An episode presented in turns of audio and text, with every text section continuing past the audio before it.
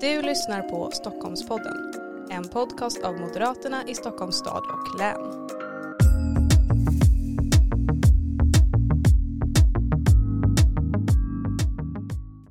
Hej och välkommen till ett nytt avsnitt av Stockholmpodden. Jag heter Disa och med mig idag har jag ingen mindre än Moderaternas partisekreterare Karin Enström. Varmt välkommen hit. Tack så hemskt mycket. Och idag tänkte jag att vi främst ska prata om din nya roll eh, som Moderaternas eh, partisekreterare men även politikutveckling. Eh, men innan vi går in på det så har jag två frågor som vi ställer till alla våra gäster. Eh, och den första är då, hur ser ditt Stockholm ut om tio år om du får drömma? En sån kul fråga. Eh, jag, skulle, jag vill se ett Stockholm där, eh, som, är en, som är en av världens bästa städer att bo och jobba i. Och jag skulle också vilja se att vi använder vattnet, vattenvägarna mer, både för att transportera oss men också för att ja, göra, kunna använda det på fritiden. Det är mycket som, som sker på vattnet men det ligger mig lite extra varmt om hjärtat. Eh, jag åker ju själv nu med de här pendelbåtarna på, framförallt på morgnarna från Vaxholm. Mm. Och det är ju fantastiskt att vi skulle använda den här resursen ännu mer. Ja, det är otroligt fint. Jag kommer från Göteborg då och jag var ju helt imponerad när jag var här första gången för jag tycker det är så himla vackert med att vattnet kopplar ihop stan på ett naturligt sätt och även hela länet. Så att det håller jag helt med dig om. Och en liten följdfråga där då kanske, vad är din hjärtefråga i politiken? Ja, som partisekreterare så är det ju förstås att eh, vi ska fortsätta färden mot att bli, eh, bli eh, Sveriges största parti på sikt. Och eh, mitt stora mål och min stora hjärtefråga nu är naturligtvis hur kan vi rigga oss på bästa möjliga sätt och organisera oss och utveckla politiken för att kunna vinna nästa val. Så det är min största och varmaste hjärtefråga. En otroligt viktig sådan också. Så att, ja, bra sån. Men okej då, vem är Karin Enström och vad har du för bakgrund inom partiet? Ja, eh, jag är 56 år. Jag bor i Vaxholm. Jag är yrkesofficer till yrket men har inte jobbat med det på många år utan 1998 så blev jag invald i riksdagen. Jag har varit eh, försvarsminister, jag har varit utskottsordförande i, i eh, både utrikesutskottet och nu senast i konstitutionsutskottet.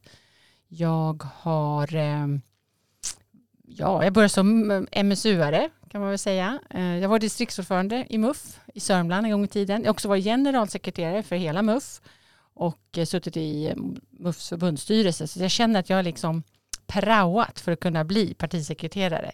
Jag har provat lite olika varianter. Jag har varit föreningsordförande i Moderaterna. Jag har eh, lång kommunalpolitisk bakgrund också och de senaste mandatperioderna så har jag varit ordförande för, för fullmäktige i Vaxholm. Ehm, har jag glömt någonting? Sa jag att jag var försvarsminister också? Ja. Så jag har testat lite, ja de ganska många jobb. Det är ett eh. otroligt brett CV inom Moderaterna får jag säga. Men hur kom det sig att det blev politik då? Från yrkesofficer in i politiken?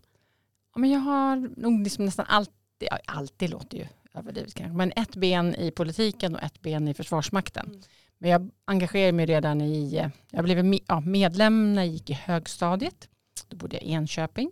Och sen i gymnasiet så engagerade jag mig mer och då var det ju liksom skolfrågor, eh, att man skulle kunna få ja, välja skola, det vågar man väl inte ens tänka då. Men däremot man kanske kunde få styra lite mer över sin skolgång, kunna välja ämnen friare, betyg i skolan. Ja, som för många som går i skolan så var ju det kanske mitt största intresse. Mm. Eh, och sen så när jag ryckte in så då fortsatte jag ju med politiken och så hade jag väl lite ja, svårt att välja. Jag gjorde lite olika saker um, medan jag jobbade i Försvarsmakten. Um, och kom väl sen fram till att ja, men det vore ju otroligt spännande att kunna få jobba med politik på heltid. Ja. Uh, så då kandiderade jag till riksdagen och tänkte att det här kommer ju ta, ja, jag vet inte hur många mandatperioder. Men jag kom in på första försöket faktiskt. Grattis. Och sen dess har du varit fast mer eller mindre helt enkelt. Ja, ja. det har varit eh, väldigt eh, roligt, givande. Eh, naturligtvis så måste man ju fråga sig själv inför varje ny mandatperiod. Eh, är det här, jag menar, tycker jag fortfarande att det här är roligt och framförallt har jag någonting mer att, att komma med så att säga. Kan jag bidra och vill partiet eh, att jag ska bidra? Och jag tycker jag har fått ja på, på de frågorna som jag både har ställt mig själv och andra. Mm. Så därför så har jag fortsatt. Um, men jag har fått göra olika saker också så att det är det som är så otroligt ja, det är faktiskt väldigt kul igen och, och viktigt att kunna vara i sfären men inte ha exakt samma jobb. Nej, precis. Och då plockar man också med sig erfarenheter in. Mm. Nu sitter du på din nya roll här. Eh, har du några speciella mål? Eh. Ja, som sagt, mitt allra största eh, mål är naturligtvis att eh, se till att eh, Moderaterna vinner nästa val igen och får, så att säga, ja, får, får bilda regering återigen.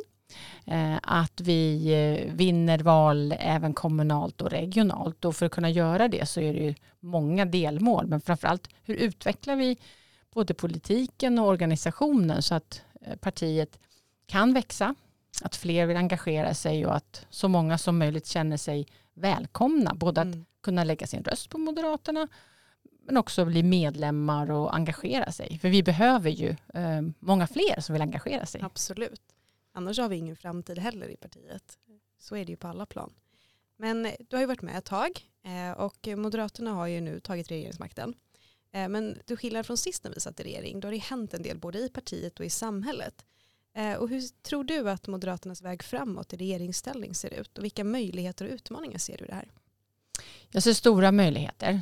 Samtidigt så ska vi komma ihåg att det är ett svårt läge. Det är både ett svårt omvärldsläge med krig i Europa, energikris, inflation, ehm, ja, stigande, vi ser energibrist, ehm, en lågkonjunktur på väg in och vi har en, en, ja, en en brottslighet som nu ju är oerhört grov som går ner i åldrarna.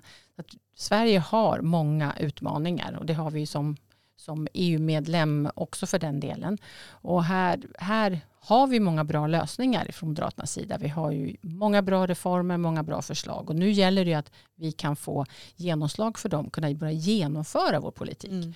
Vi fick mandat ifrån väljarna Eh, att få ordning på Sverige. Och det är just det som vi håller på med nu. Men det här kommer ju ta tid ja. Eh, och det är svårt. Eh, jag tycker också en av utmaningarna men också möjligheterna är ju att ja, det är ett tufft läge. Många har det besvärligt. Eh, det är ett tufft säkerhetsläge runt omkring oss.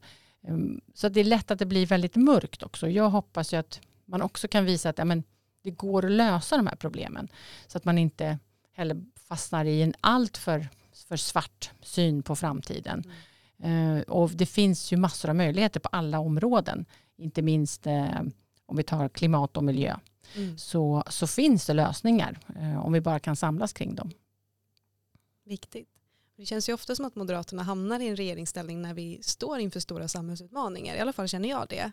Att det är sällan vi styr i uppåt bara utan vi får oftast vända skutan lite när vi tar över. Så jag hoppas verkligen att vi kan göra det även den här gången. Även om det är väldigt stora utmaningar nu framför oss. Det är det och allt kan vi naturligtvis inte påverka. Men vi har ju ja, vi har den bästa politiken och vi har nu möjlighet att visa också svenska folket att eh, vi kan fixa det här. Mm. Och nu har vi ju gått ut och haft de här eh, politikutvecklingsgrupperna eh, som ska ta fram den politiken som Moderaterna ska driva framåt. Kan du berätta lite mer om det arbetet? Hur ser det ut?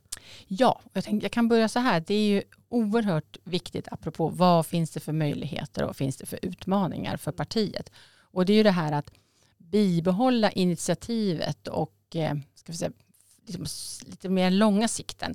Vad ska vi göra eh, liksom, inför valet 26? Vad har vi för politik för 2030-talet till och med? Och då är det ju så att en del av partiet är väldigt upptagen med att genomföra politiken, inte bara i regeringsställning utan även ute i våra kommuner och regioner. Men då måste vi samtidigt klara av att titta på längre sikt och utveckla politiken. Och då har vi nu, eh, eller partistyrelsen har eh, definierat fem olika områden där vi nu har tillsatt eh, arbetsgrupper, politikutvecklingsgrupper med en ordförande och en vice ordförande och sen ett brett deltagande från hela landet. Alla förbund är representerade. Det är allt ifrån riksdagsledamöter, kommunalråd till eh, ja, en annan förbundsordförande, ehm, regionpolitiker, ehm, ja, en, en bred blandning också av kompetens som ska förbereda eh, propositioner inför partistämman som vi ska ha i Umeå i oktober. Mm. Men, och jag, kan gå, jag går jättegärna igenom också de områdena, men jag ska också att det här är inte nog, utan de kommer sätta igång, har ett starkt fokus på partistämman. Men vi ska också, jag, vi ska sjösätta ett, eh, ett, ett, ett, stort projekt som kommer att pågå under flera år som handlar om hur vi ska utveckla politiken inför just 2030-talet. Så att ett handlingsprogram för 2030-talet som ska antas av eh, arbetsstämman 2025. Och här kan vi då också ta in de områden som de här fem arbetsgrupperna inte sysslar med nu. Så kan vi också ta, naturligtvis ta in de eh, resultaten ifrån grupperna. Men det här ska kunna göras på, ja vi har, eh, har planer på hur vi ska kunna involvera hela partiet, eh, externa experter, ta in forskningsrön, göra verksamhetsbesök för att liksom bygga upp det här så att vi verkligen har bra förslag, konkreta förslag för framtiden. Det blir ett långt svar. Men, ja, men det är ett jättebra svar. Ja. Det är superintressant. Jag kan tänka dig att många som lyssnar också som har hört om det, men man kanske inte har jättebra koll på allting och vad det här faktiskt innebär. Vilka fem grupper är det vi pratar om? Vad är det för mm. områden? Ja, men vi börjar med dem. Mm. Eh, så är det ju som sagt inför vår partistämma i höst dit man också då kan, det kan ju vara bra att veta som medlem eh, och som förening och förbund att man kan skriva motioner. Så att det är också ett, eh, det är inte bara så att det är partistyrelsen som föreslår politik utan här är det fritt fram mm. och det ska verkligen bli Ehm, ett bra tillfälle att få diskutera politik. Men gruppen är då, den första heter Grön innovationskraft för tillväxt och leds av Kristoffer Fjellner. Och eh, de ska titta just på det här, alltså vi har pratat mycket energi, vi har pratat eh, mycket om, ska vi säga, eh, frågor kopplade till landsbygd. Vi känner att vi är duktiga även på det här med grön teknik, men att utveckla det också för, för framtiden. Så att hur kan vi använda all den kompetens och kraft som finns i, i Sverige, både när det gäller forskning och svenska företag. Um, att, att just liksom, vi ser ingen motsättning mellan tillväxt och grön, att kom, få ett mer hållbart samhälle. Så det ska den gruppen eh, arbeta fram förslag kring. Den andra gruppen det är skola och utbildning och det kanske säger sig lite själv vad den ska göra. Um, det var ett tag sedan som vi hade någon proposition på någon, på någon partistämma kring de här frågorna. Oerhört viktigt naturligtvis för alla, inte minst för att kunna ha, ja, ha en befolkning som kan, kan möta de utmaningar som vi står inför med högt teknikinnehåll, eh, höga krav på kompetens och då, det börjar ju i skolan. Och det är också så att skolan är ju ett, ja, det är ju till för alla våra, alla våra barn som växer upp, att de ska få lika chanser. Alltså att kunna göra den här, som man säger, klassresan börjar i klassrummet. Så kunskap men också en trygg plats att vara på. Och då kopplar det egentligen ihop med den tredje arbetsgruppen som ska jobba med brottsförebyggande åtgärder. Vi har ju en, en, som sagt, en situation idag med en galopperande våldsbrottslighet, vi har gängkriminalitet, eh, väldigt unga människor som kommer in i brottslighet.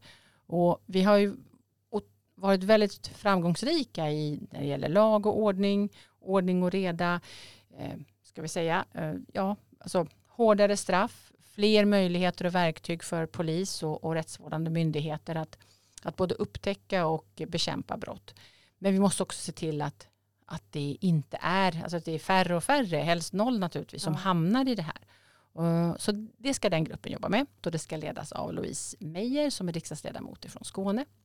Och nu glömde jag säga, skola och utbildning eh, ska ledas av Therese Almenfors från Uppsala.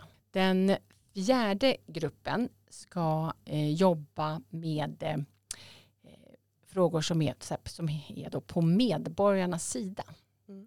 Och med det menar vi att vi är ju ett eh, frihetligt parti. Vi tror på individen, både frihet och ansvarstagande. Att man som medborgare ska känna tillit till myndigheterna. Man ska få svar på sina frågor. Man ska kunna få svar på tillståndsfrågor oavsett om man är en enskild eh, husägare som vill bygga ut eller bygga till eller om man driver företag och behöver tillstånd för sin verksamhet. Eh, det handlar det kanske låter lite tråkigt men också liksom om, om hur styr vi den här offentliga förvaltningen att bekämpa det här med myndighetsaktivism som vi ser, ta bort regelkrångel, ja, helt enkelt på medborgarnas sida. Eh, och den gruppen ska ledas av Elisabeth Unelli från Västmanland.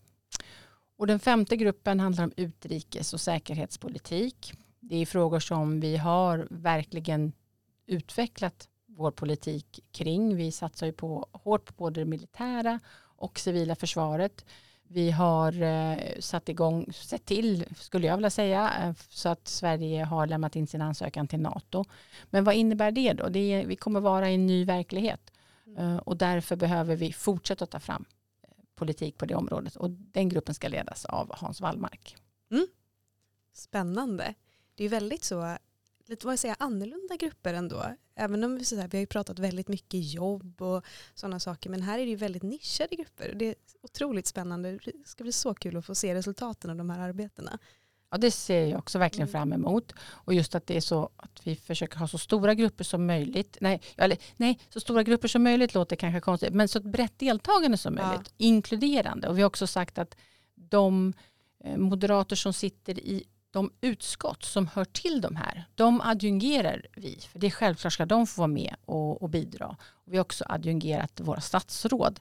Självklart så vill vi att de ska vara engagerade i politikutvecklingen men med respekt för deras tid och deras säga, praktiska möjlighet att delta. Eh, men det är ingenting som ska ske säga, i helt olika stuprör utan det ska vara eh, en öppen process. Eh, och sen så om man tänker så, oj, men den här frågan då, eller den frågan, min hjärtefråga, inte den med? Var inte oroliga. I handlingsprogrammet så kommer ju mm, en, en ännu större bredd av politikområde kunna vara med. Ja. Jo men och sen kan man inte göra allt på samma gång tänker jag. Utan här börjar vi i en ände med sånt som vi ser är viktigt att få en ordentlig utveckling i. Det vi kanske inte har fullt så utvecklad politik som vi kanske önskar. Utan behöver en mer långsiktig plan också. Så kan man ju alltid bygga på det. Men det är bra att ha en stabil grund att börja på. Det här låter ju otroligt spännande.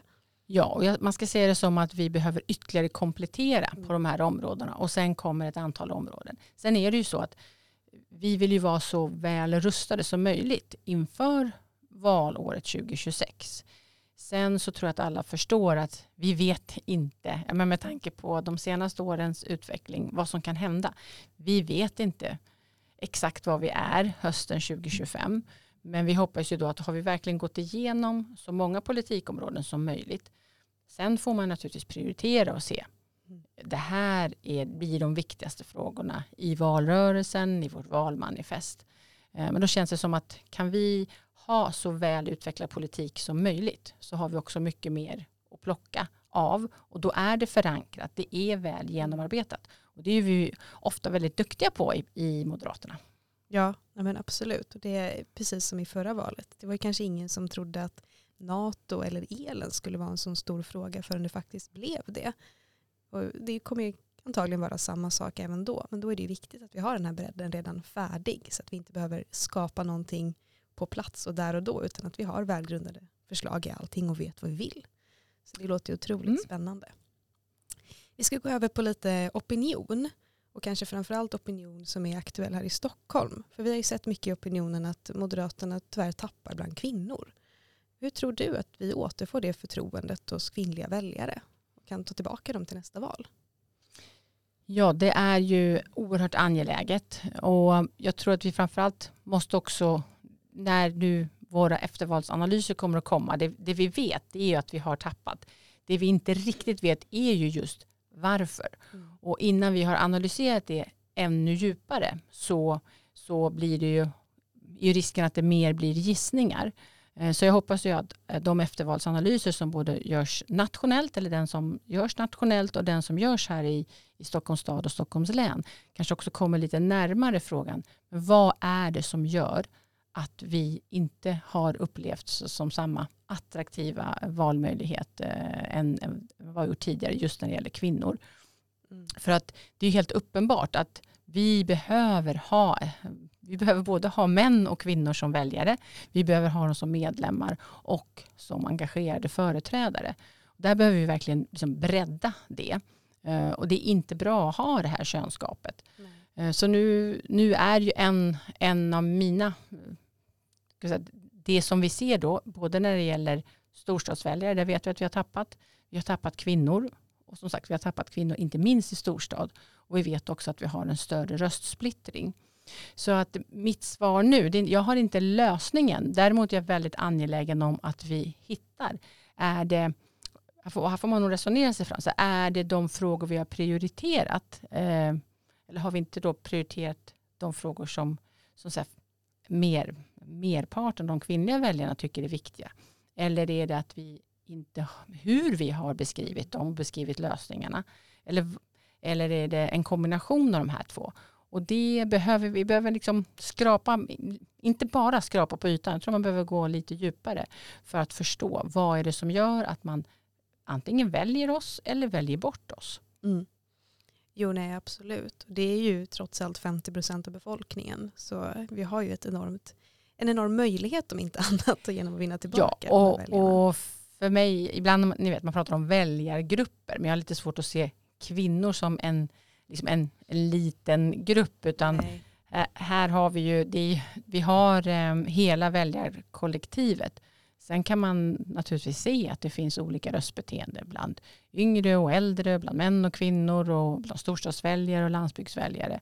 Och hur kan vi då tilltala så många som möjligt eh, och utan att förlora några andra på vägen.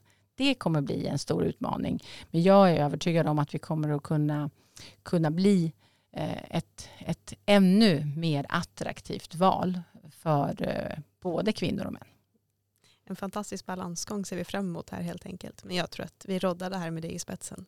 Inga tveksamheter över det. Men okej, vad vill du att Moderaterna ska vara 2026? Nu har vi pratat om politikutvecklingen mm. och sånt, men vad ser du framför dig? Eh, hur ska vi uppfattas som parti? Ja, men vi vill att vi ska vara ett parti för alla. Man ska kunna välja Moderaterna. Eh, man ska känna sig välkommen som medlem eller som en person som vill engagera sig vidare. Vi, eh, internt pratar vi, har vi pratat och bör prata om partikultur. Och jag tror ju öppnare partikultur vi har, där man känner sig välkommen och känner sig trygg, det tror jag också kommer att göra att det är lättare att rösta på Moderaterna. Mm.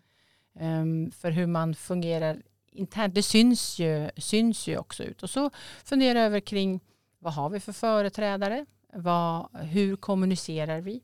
Just det där, hur uppfattas vi? Eh, att vi är ett parti som eh, är redo att ta ansvar. Jag hoppas också att man kommer att se att det vi har gjort under den här mandatperioden är att vi har åtgärdat problem. Vi har startat reformer eh, för ett, ett bättre och mer framtidsinriktat Sverige. Och att det ska löna sig. Mm. Jo, vi satt ju här och gjorde ett avsnitt om 100 dagar i regeringsställning för två veckor sedan. Mm. Eh, och då gick vi igenom hela de här, alla punkter som har skett eller som kommer ske i närtid. Hur många timmar tog det? Eh, det, var, det var helt otroligt mycket. det, eh, man glömmer det, till och med som när man lever och andas politik som vi faktiskt gör här även på förbundet. Så det är så himla mycket som har hänt som man kanske inte ser. För det, ja, man tänker att det händer ingenting men det gör ju verkligen det. Det händer saker varje dag. Och det händer stora viktiga saker varje dag. Så fortsätter vi det här tempot då har vi kommit otroligt långt om fyra år skulle jag säga.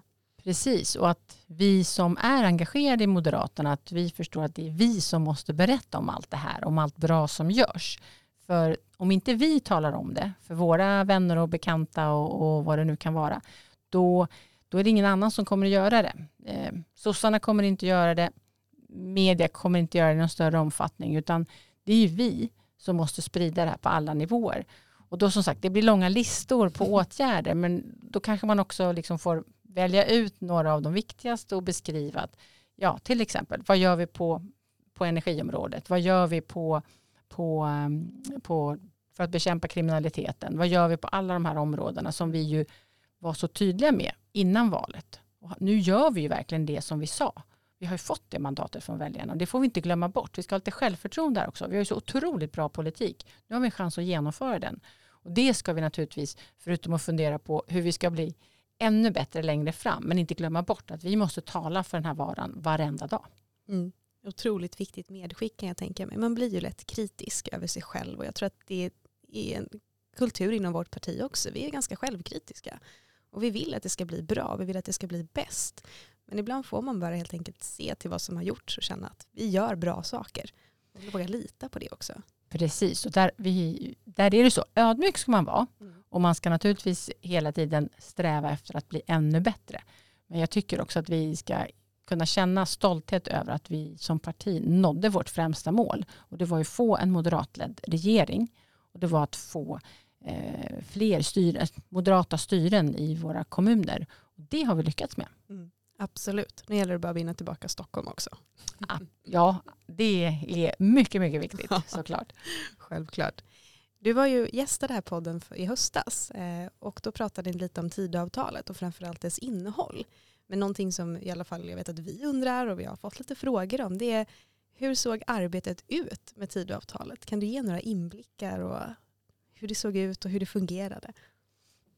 Ja, den, det var ju en, en, intensiv period för att också komma, komma vidare och komma till konkret, alltså ha ett konkret avtal. Jag tror att det var väldigt bra att, eh, att liksom sätta sig ner så intensivt eh, och sen komma överens om också framförallt vilka områden skulle vi ha det här samarbetsavtalet kring och vilka områden säga, har inte partierna lovat? För det ger en väldigt klar bild av vad är det egentligen vi ska, som är viktigast och vad är vi överens om. Och det var ju det vi sa innan valet också. att eh, Vi samarbetar med alla partier.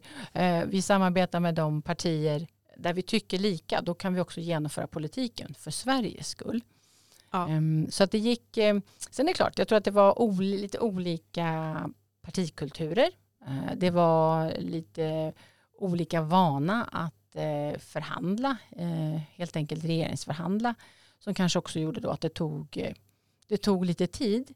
Mm. Samtidigt ska vi komma ihåg att när vi nu bara för några veckor sedan hade suttit hundra dagar som regering och vidtagit en mängd åtgärder vid samma tid för fyra år sedan, då hade alltså Löfven-regeringen precis tillträtt. Ja. Jo, precis. Det är ju lätt att glömma det.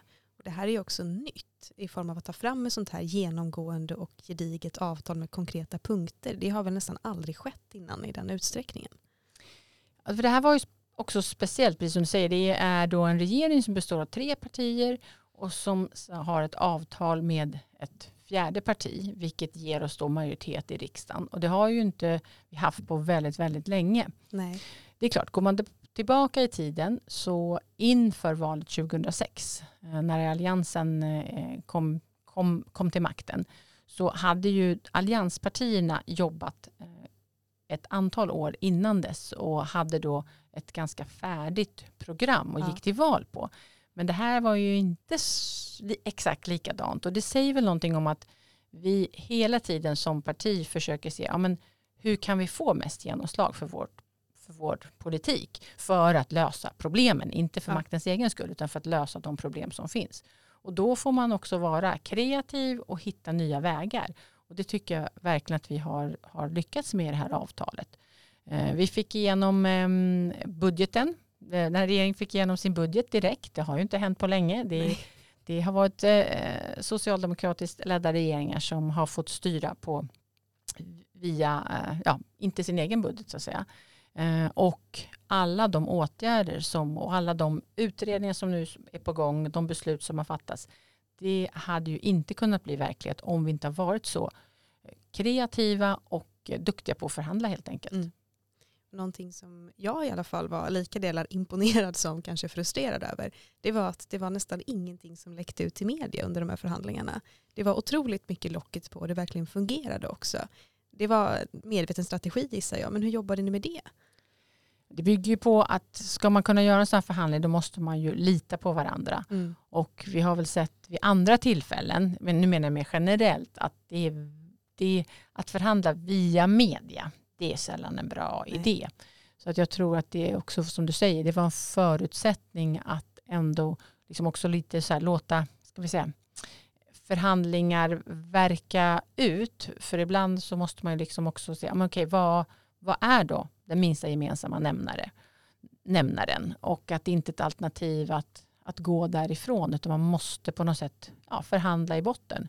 Mm. Uh, och det kräver både tålamod, men framförallt så kräver det tillit.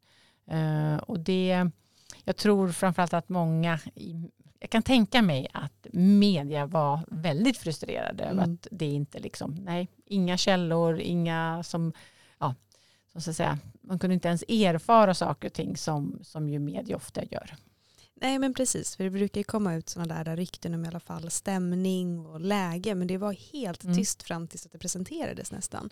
Det tycker jag var väldigt häftigt. Jag tror inte att jag har sett det innan, utan det brukar läcka ut saker och komma ut flashar, men det gjorde nästan det inte överhuvudtaget. Så det var otroligt häftigt faktiskt. Men vi har ju då våra tre regeringspartier och sen har vi då Sverigedemokraterna. Och hur ser du på samarbetet med Sverigedemokraterna nu och framåt? Eh, kan vi förhålla oss till deras parti på ett bra sätt och hur ska vi hantera den här spagaten som vi ser mellan väljarna som är kritiska och de som är positiva till samarbetet? Ja, vi har ju som fått förhålla oss eh, till Sverigedemokraterna under flera mandatperioder och provat lite olika strategier. Det vi ju bestämde oss för inför det här valet var att okej, vi talar om så att säga, vad, vad vi vill, vad som är viktigast för oss eh, och snarare så att andra partier har fått förhålla sig till oss. Ja. Vi var också väldigt tydliga med att vi är beredda att samarbeta med de partier som tycker likadant som oss i, eh, i de frågor där de tycker likadant eller ungefär likadant för oss. Eftersom vi såg att Sveriges problem är så stora. Mm. Eh, det måste ske, det måste liksom bli en förändring. Eh, och det vet vi att det var, pratat med många väljare under valrörelsen som, som ville veta hur vi resonerade. och då försökte jag förklara och jag tror många med mig att vi har en ganska pragmatisk inställning. Har vi problem eh, som vi vet att vi, vi kan lösa och vi har politik att lösa och det finns en majoritet för det för det finns fler partier som tycker likadant eller nästan likadant. Eh, då kan vi inte avstå från att försöka genomföra den politiken. Och jag tror det, är liksom, det är eh, det viktigaste i det här. Nu har vi ett avtal just på de områden som vi också har prioriterat och som är viktiga för väldigt många människor. Eh, och då, då har vi samarbetet och vi fortsätter att vårda det här samarbetet. Sen finns det frågor där vi inte tycker lika. Eh, Vi har också, och de, en del av de frågorna, eller de flesta av de frågorna ligger också utanför det här avtalet. Mm. Eh, Och jag tror det är ett, ett bra sätt att komma framåt. Annars fastnar man ju bara i låsta positioner och pekar finger. Eh, Men, men det är ju så, då är det ju våra väljare och våra invånare som får lida för det. För att vi inte kan fatta bra beslut. Jag menar, det är ju väldigt logiskt egentligen. Jag menar, så fungerar det på alla arbetsplatser och på alla ställen i samhället. Att du får ju kommunicera även om du inte är överens om allt. Så kan man ju hitta likheter mellan varandra och känna att jo men vi förstår Mm. varandra här. Och att man då inte ska vara överens där av ren princip det är ju egentligen ganska orimligt. Så jag tycker att vi har valt en bra väg här och jag tror att det är Ja, den har- enda rätta kanske. Och vi har ett ansvar. Det är eh, väljarna som, som röstar. Det är väljarna som bestämmer och då måste vi också ta hänsyn till det och se ja, men hur kan vi då rigga den bästa lösningen. Och nu har vi en regering med ett samarbetsparti. Vi har majoritet i riksdagen och vi kan alltså eh, och har redan börjat ju få ordning på Sverige. Mm. Otroligt intressant samtal det här. Jag känner att vi kan fortsätta i all evighet men vi ska inte hålla kvar det allt för länge. Så jag tror att vi ska avrunda och tacka för idag helt enkelt. Och stort tack för att du var med idag Karin. Tack själv. Eh, och om man vill följa dig på sociala medier, kan man göra det någonstans? Det kan man göra. Jag finns på Instagram med mitt kan man bara söka på Karin Enström och jag finns på Facebook. Kul, då länkar vi det också i poddavskrivningen här nere. Stort tack till dig som har lyssnat. Glöm inte att prenumerera på podden så att du inte missar när nästa avsnitt släpps. Hej då!